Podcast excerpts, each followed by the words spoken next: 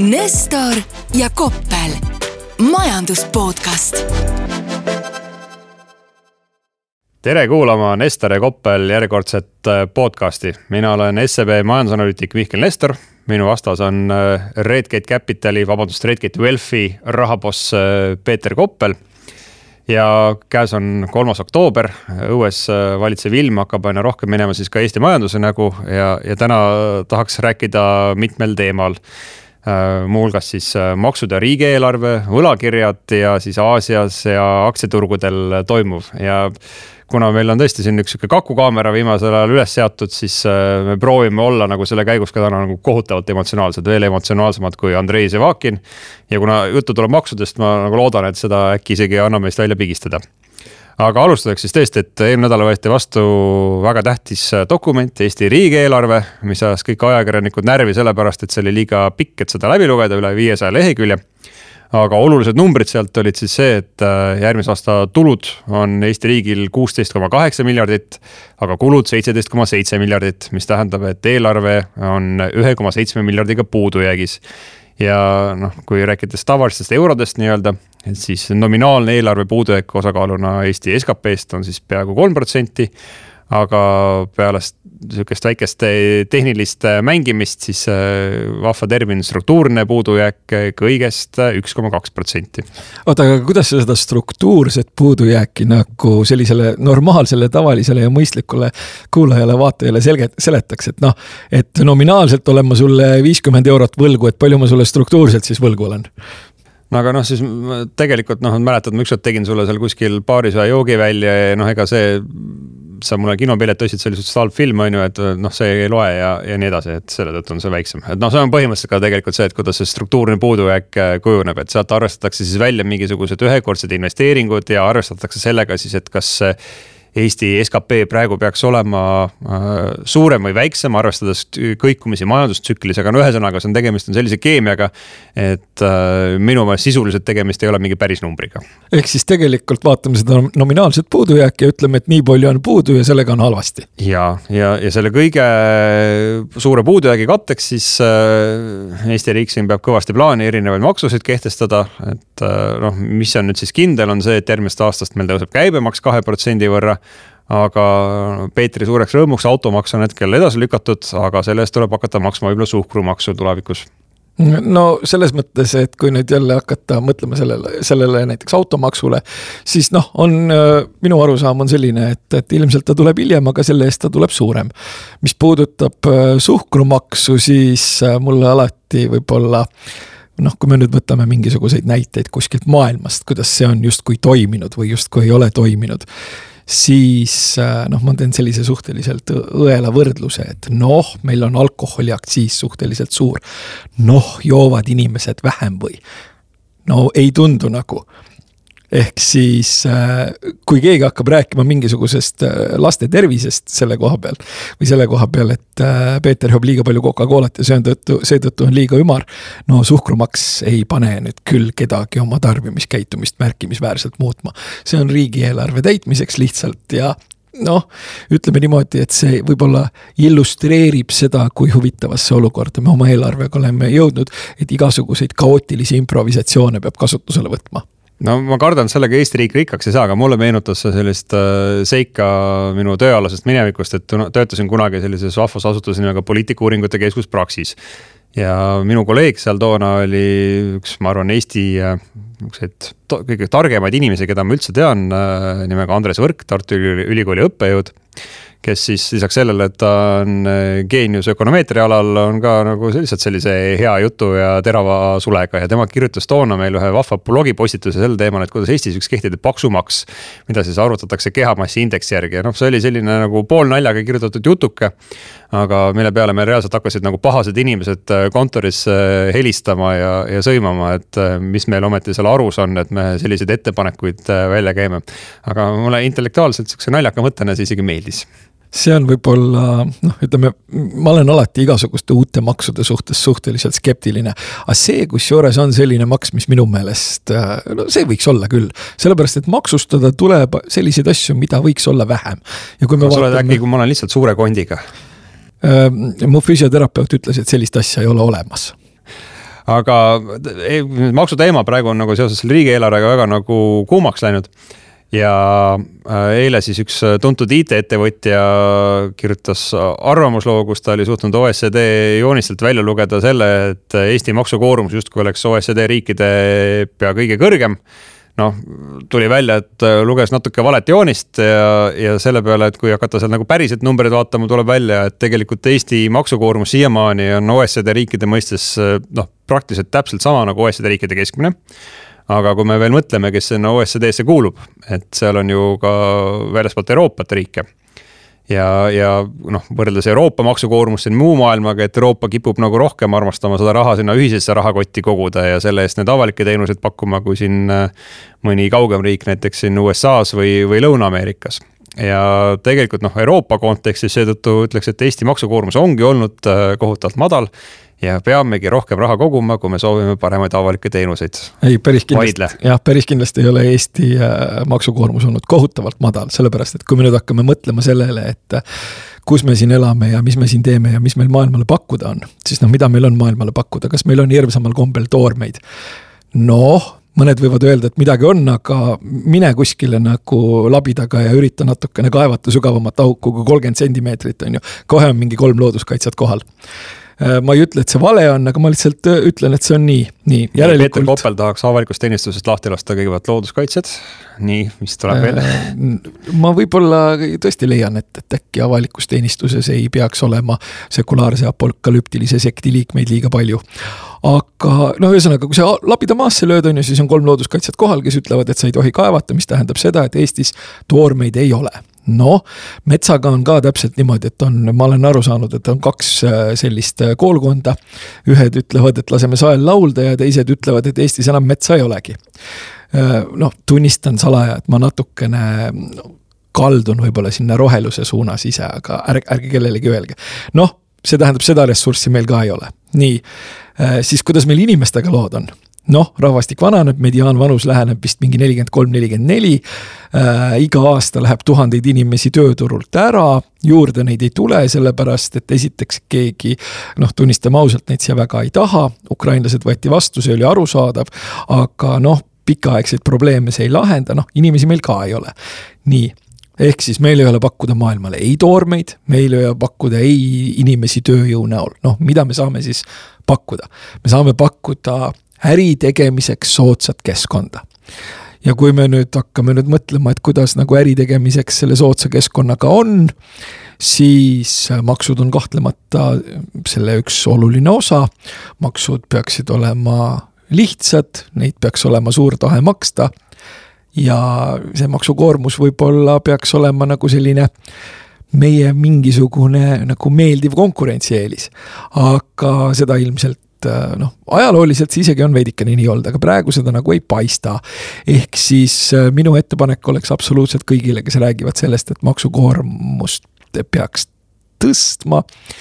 et mis äh, positsioon siis Eestis maailmal äh, olema saab ja mida meil siis maailmal pakkuda. kõige puhtam loodus on sellele vastus.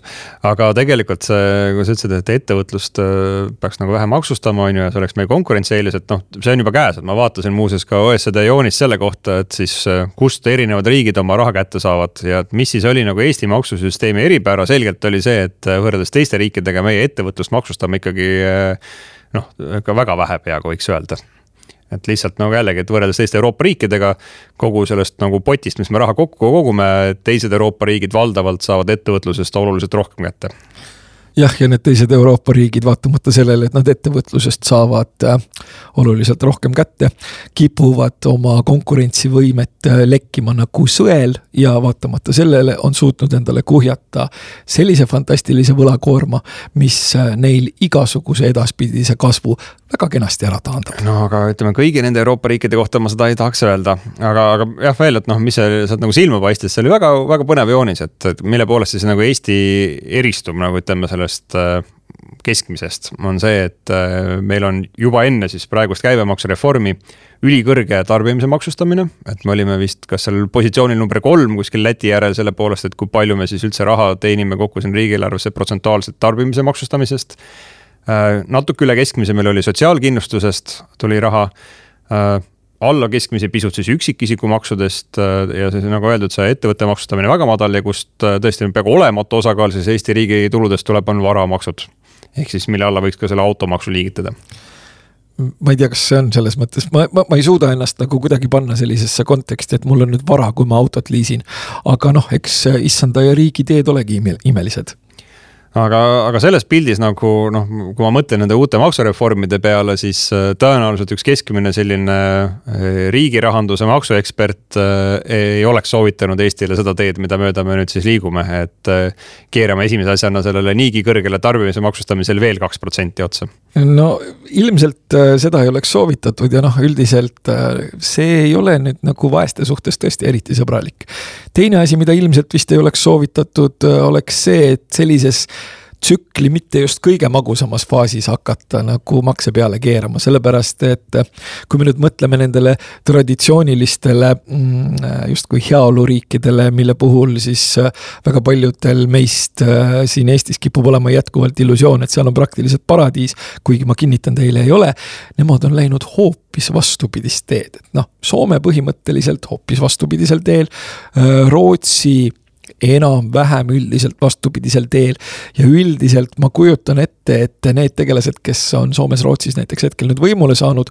Mm, noh, ega neile ei meeldi see, et nad peavad vastupidist teed äh, käima, küll aga nad saavad aru, et tsükkel neilt seda nõuab. seega noh, ütleme, et äh, tundub, et Eesti siinkohal ujub huvitavalt vastuvoolu. ajalooliselt on meil huvitavalt vastuvoolu ujumine tulnud päris hästi välja. seekord mina isiklikult nii kindel ei ole, et kas see nüüd nagu nii hea mõte on ja no on ka, et täpselt, et noh, kui sa juba noh, iseenesest nagu nõustun sinuga, et ja täpselt, et tsükli praeguses faasis tõsta makse ei ole kõige geniaalsem idee. ja kui sa neid juba tõstad, et siis äh, maksustada nagu veel eriti sellist aktiivset majandustegevust, ehk siis nagu käibemaksu näol äh, tarbimist, et äh, keegi kehtestaks praegu mingisuguse kinnisvaramaksu Äh, automaksu kohe, no ka arvan, et selle mõju nagu tervikuna majandusele ilmselt oleks väiksem, et noh, jällegi, et mida rohkem sa lähed selle kõige vaesema inimese rahakoti kallale, seda rohkem sa tegelikult majanduselu pärsid, et see mõjutab äh, kõiki inimesi, et noh, need inimesed, kelle kalduvus nagu raha kuhugi fondi säästa, kui sa sinna kallale lähed, siis nad võib-olla säästavad natuke vähem lihtsalt, mitte ei vähenda oma tarbimist.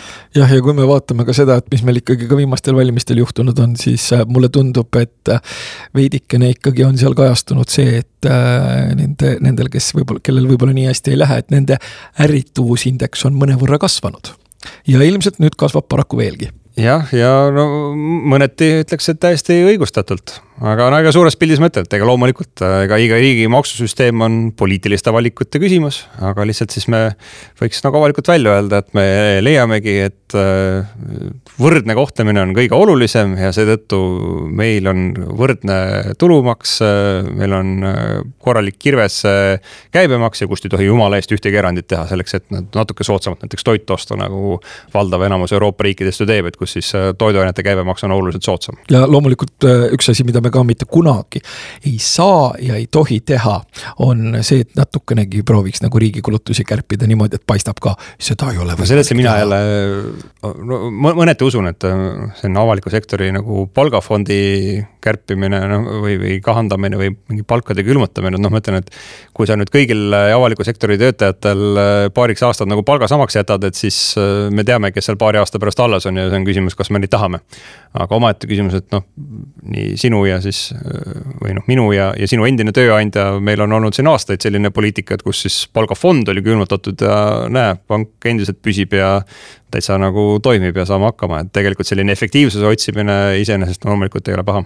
Jah, ja selles mõttes, kui me nüüd ausalt vaatame, siis erasektor peab kogu aeg vaatama seda, et kuidas tal läheb ja kuidas tsükkel parajasti on ja mis nende, mis nende tööjõukuludega saab. Ja siis nüüd äkki selgub, et riik absoluutselt ei saa kõik on nii pinges juba, seal on viimseni, viimseni rihma peale tõmmatud. no mina maksumaksjana olen ka ju suhteliselt pinges juba aga see viib meid siis äh, selle olukorrani, et kus äh, tegelikult maksudest ei piisa, et Eesti riik on siin viimasel ajal pidanud järjest rohkem võlgu võtma ja see on siis tekitanud äh, sellise pommitee, et äkki siis Eesti lihtne inimene kes võiks kuidagi kasu sellest saada, et Eesti riik peab äh, raha laenama ja võiks emiteerida ikka võlakirjasid niivõrd väikse nominaarväärtusega, et siis ka selline tavaline inimene saaks oma säästud viia ja osta selliseid äh, riigi obligatsioone endale. noh, mina ei ole nagu suurem investeerimiskuru mul tekitas see mõningaid mõtteid, aga ma lasen eksperdil siin kõigepealt arvata, mis tema no,. ma mõtlen selle peale, et kui sa nüüd mõtled sellisele tavalisele inimesele, et noh, palju sellel tavalisel inimesel seda raha on, mida ta riigi võlg, võlakirjadesse nagu panna tahaks. no ütleme näiteks on kolm tuhat eurot. nii, kui ta läheb, paneb kolm tuhat eurot äh, kui sa mõtled praegu, et kus kaupleb Eesti kümneaastane riigi võlakiri, kuskil nelja protsendi juures, võib-olla natukene alla, nii kui nüüd see inimene, kellel see kolm tuhat eurot on, läheb, paneb selle suvalisse Eesti panka, Eesti kommertspanka deposiiti, mis ta saab kuskil neli pool. See on hästi popp äh, number viimasel ajal, meilid tulevad siuts ja säuts. keegi vist isegi pakkus nagu korra mingisugusele, mingisuguse trikiga viis aga milleks nuumata neid Rootsi pankasid, kui sa saad toetada Eesti riigi arengut ja osta riigi obligatsiooni? no keegi ei äh, pea, tähenda, see ei tähenda seda, et sa peaksid nuumama ju äh, Rootsi panka, et meil on siin esiteks kohalikke ka, nii. sa põhimõtteliselt lähed kohalikku panka oma kolme tuhande euroga, paned deposiiti, teenid neli pool.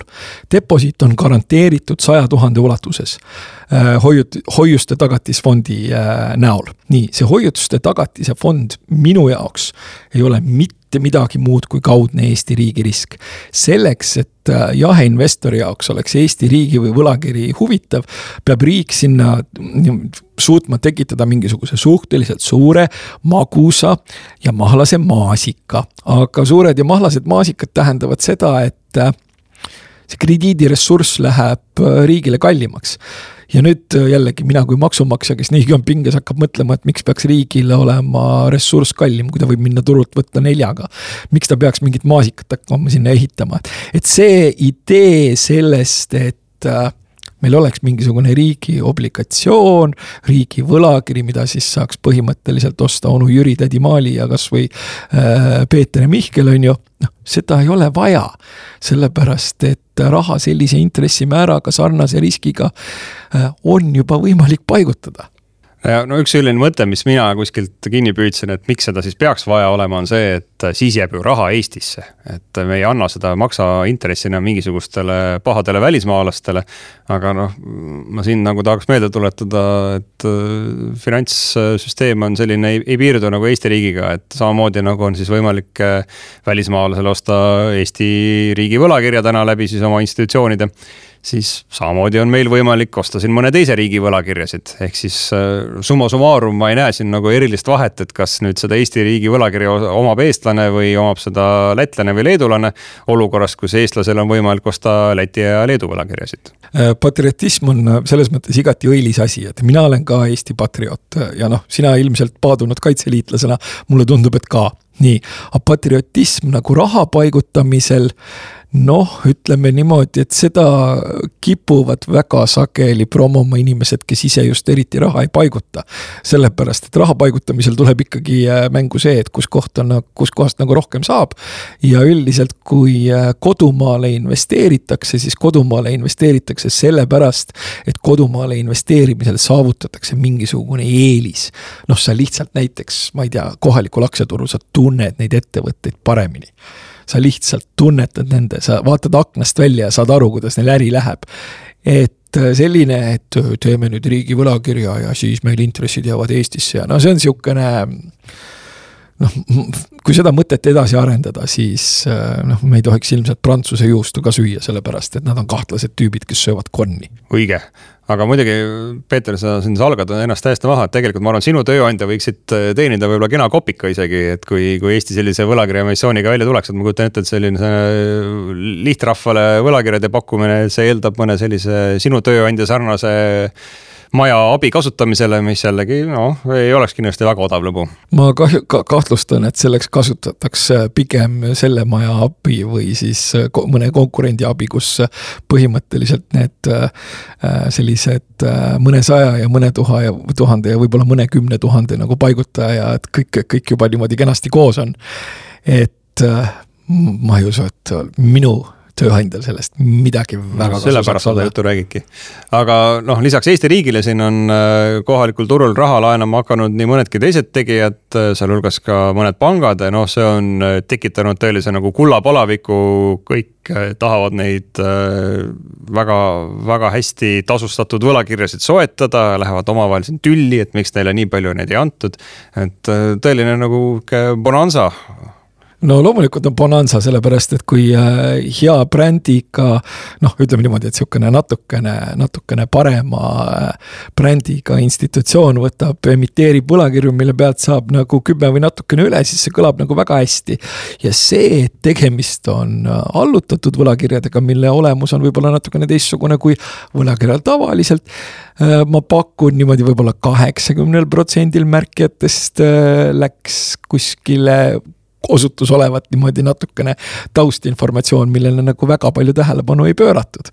nii et äh, noh, üldiselt äh, tundub ikka, et seda raha, mis tootlust otsib, äh, veel on ja tundub, et võib-olla mõningaid selliseid vallatusi tehakse ilma totaalselt ja vajalikus ulatuses nagu läbi mõtlemata selles osas, et kui tehakse midagi, mida tehakse aga tundub, et äh, saaks ka neid võib-olla natuke väiksema võlakirjaga emiteerida, arvestades seda nagu väga suurt huvi, mis me siin näeme. ilmselt oleks saanud nagu selle raha kätte jah, ka mõnevõrra madalama, madalama intressiga nii, aga no ütleme niisuguse lihtsa investori, investor-nestori küsimus, et kas ma nüüd vaadates oma ETF-i portfelli sellist väga niru käekäiku siin äh, viimase aasta vältel ja seda, et äh, mul on siin võimalik täitsa respektaabel ettevõtete käest teenida võlakirjade näol siin äh, üle kümne protsendist intressi, et kas on aeg käes loobuda oma senisest investeerimisstrateegiast, hakata kasvatama võlakirjaportfelli?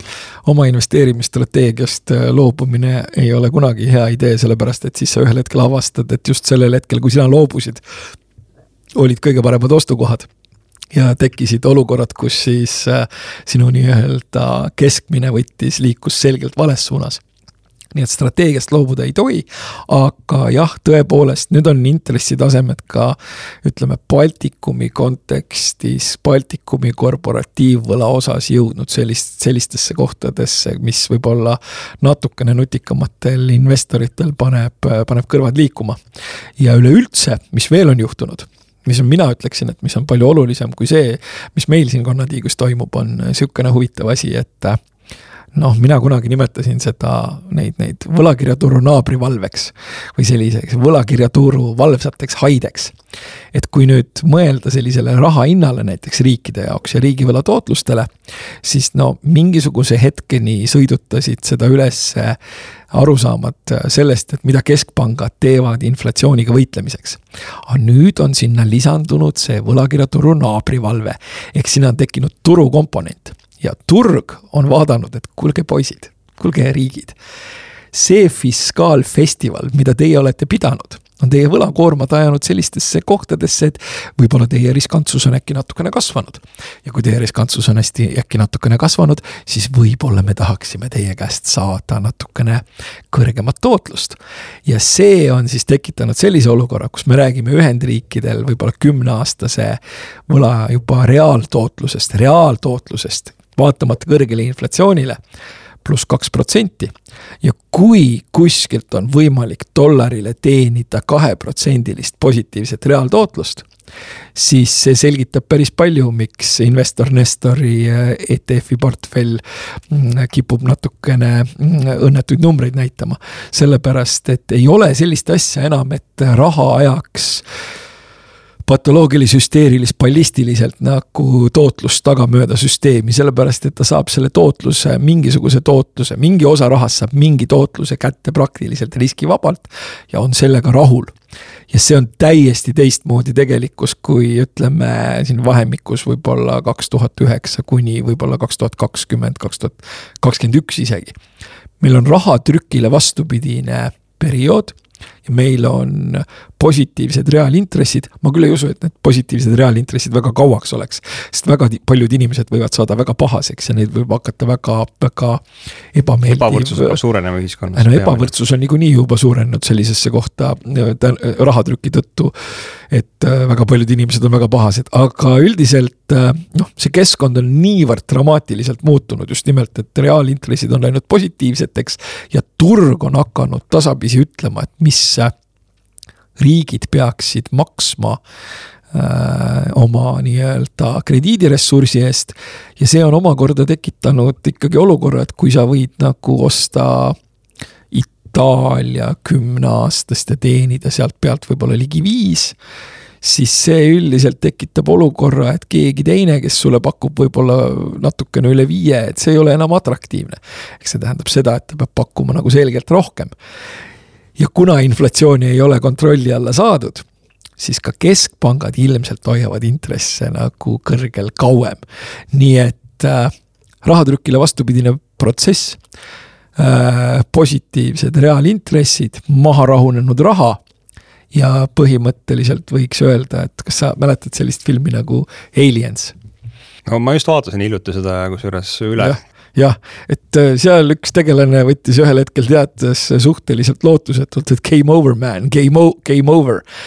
ja nüüdki või, võikski julgelt öelda, et kui kellelgi tekib tahtmine ja mõelda, et mis saama hakkab mm, niimoodi praegu ja mõne aja jooksul, siis las kirjutab endale ühte tulpa kõik, mis toimus rahatrüki ajal ja siis teise tulp, tulpa kõik nii-öelda protsessid, mis on sellele vastupidised. ja siis vaadaku, mis tunne tal on me lubasime Aasiast ka natuke rääkida, et äh, ma sain ajendi sellest, et minu selle ETF-i portfelli kõige nukram nurk oli see, et kus, kus on siis Aasia ettevõtete aktsiad ja noh, jah, Hiina hädadest me oleme siin rääkinud, kuidas siis Hiina oodatud äh, suur majandusbuum, mis pidi sellel aastal algama, kui koroonapiirangud lõpevad, noh, see jäi suhteliselt ära äh,. Läheb seal pigem kehvapoolselt, noh rääkimata kogu sellisest tavalistest riskidest, mis selle Hiina majandusega kaasneb, eriti kinnisvarasektoris. aga noh, mis minu jaoks võib-olla, kui ma hakkasin siis vaatama, et mis seal uudisfoonil veel nagu negatiivset on äh,. oli nagu mõneti üllatav, on see, et tegelikult äh, kehvemalt on läinud Aasial laiemalt ja ja need noh, jällegi, et oleme rääkinud Hiina ja USA kaubanduskonfliktist, aga tegelikult see kaubanduskonflikt on äh, mõnevõrra laiem ja puudutab ka teisi Aasia riike. et nimelt siis, kui Ühendriikide hea vanahärra president Joe Biden äh, võttis vastu siis sealse inflatsiooni vähendamise akti ja siis äh, kiipide tootmist puudutava seadusandluse, et soodustada siis nende toot-, tegema, valmistamist just Ühendriikides. siis tegelikult selle all ei kannatanud mitte ainult Hiina, vaid kogu regioon laiemalt, seal näiteks Vietnam ja Indoneesia ja mistõttu siis just hiljuti nüüd siis äh, Maailmapank andis välja hoiatuse, et äh, noh, lisaks Hiina nagu nigelale majanduskasvule tegelikult äh, kogu siis Ida-Aasia regiooni majanduskasv saab olema viiekümne aasta kõige madalam ütleme nii, et suhteliselt arusaadav olukord äh, sellises kontekstis ja siin tuleb ära mainida kindlasti üks asi, et kui poliitikud võtavad, panevad mingi asja pealkirjaks inflatsiooni vähendamine, vähendamise akt, siis ilmselgelt see akt tõenäoliselt äh, inflatsiooni ei vähenda, vaid pigem suurendab. sellepärast, et kujutage nüüd ise ette, et kui te toote tootmise äh, odavast riigist nagu selgelt kallimasse riiki, et mis huvitav võiks teie lõpptoote hinnaga juhtuda. ega see äkki juhuslikult tõusta ei võiks ja ega sellel äkki võiks olla mingisugune inflatsiooni hoopis ülespoole ajav äh, asjaolu. aga üldiselt äh, võib öelda jah, et Aasias tegelikult äh, noh, Hiina on peamine probleem ja Aasias üldiselt noh, ma ütlen, et see kasvupotentsiaal või potentsiaalne kasv Äh, nii-öelda majanduskasvu osas, et seal nagu ei ole väga hullusti võrreldes eriti Euroopaga näiteks. no ma, ma, ma tahaks ka nagu selle juures rõhutada muidu seda, et no üks asi on see, mis meil on nagu praegu ja teine asi on see, et mis me arvame, et juhtub kolmekümne aasta pärast. kas kolmekümne aasta pärast äh, Indoneesia, Vietnam, äh, Tai on äh, märkimisväärselt jõukamad riigid, kui nad praegu on, no ma olen suhteliselt veendunud selles. no just nimelt ja ma pakun, et isegi mitte kolmekümne aasta pärast, vaid ka kümne ja viieteistkümne aasta pärast. aga seal ikkagi kipub olema see teema, et nagu öeldud, et äh, Hiina puhul on siis need kõige madalamal rippuvad äh, puuviljad ära korjatud korralikult tekitatud korralik kinnisvaramull ja noh, selles mõttes, et äh, olgem nüüd ausad, ega kommunistid äh, suudavad ka mängida turumajandust ainult nagu piiratud perioodi niimoodi, et äh, see tundub nagu ehtne. nüüd nagu enam ei tundu ja ülejäänud Aasiale see lihtsalt mõjub noh, ma pean siit, vaatan kella, et äh, peaks hakkama otsi kokku tõmbama, et noh, kui ma siit mingisuguse take away enda jaoks teen, siis äh, laisk investor Nestor igatahes äh, ütleb, et tema jäi sellest võlakirjarallist maha. ja ma jään siis ootama, et äh, ajad läheks paremaks ka Aasia riikide jaoks ja, ja minu suur ETF-i portfell, meeletu, tohutu, et see paisuks veelgi enam no see paisub ja ma arvan ikkagi, et äh, sa oled suhteliselt õnnelik, kui sa mõned aastad, äh, mõne aasta pärast vaatad, et sa oled äh, jätkuvalt ja distsiplineeritult sinna ikkagi nagu raha juurde lükanud. sellepärast, et erinevalt siin ka mõningate võib-olla kohalike poliitikute mm, arusaamadest on suhteliselt vähe neid kohti, kus, kus selline tavaline inimene saab tekitada nagu endale sellist toredat positiivset reaaltootlust lihtsalt sellepärast, et ta paneb natukene kogu aeg kõrvale ja on distsiplineeritud. aga ma ikkagi natuke loodan, et tuleks ka Eesti riigi võlakiri, ma loodan, et see tuleb paberi peal, et ma saaksin selle nagu välja printida kuskilt ja panna niimoodi seinale, et mul on riigi obligatsioon. jah, äh, ja sellisel juhul, kui sa loodad selle välja printida ja panna seinale, siis mina loodan, et tulevad ka äralõigatavad kupongid, mille sa siis lõikad ära, äh, võt-, lähed see näpus kuhugi kus sa seisad ära järjekorra, mis on vähemalt nelikümmend viis minutit, annad ära selle kupongi ja siis sulle antakse sularahas see kupongimakse. mina loodan, et juhtub suisa nii no igatahes ma kavatsen selle pärast ka võib-olla e-base maha müüa kümne tuhande eest. aga meie aeg on läbi tänaseks, et äh, täname kuulamast ja siis Kaku kaamerat ka vaatamast ja kohtume kahe nädala pärast. varsti jälle, kõike head. Nestor ja Koppel majandus podcast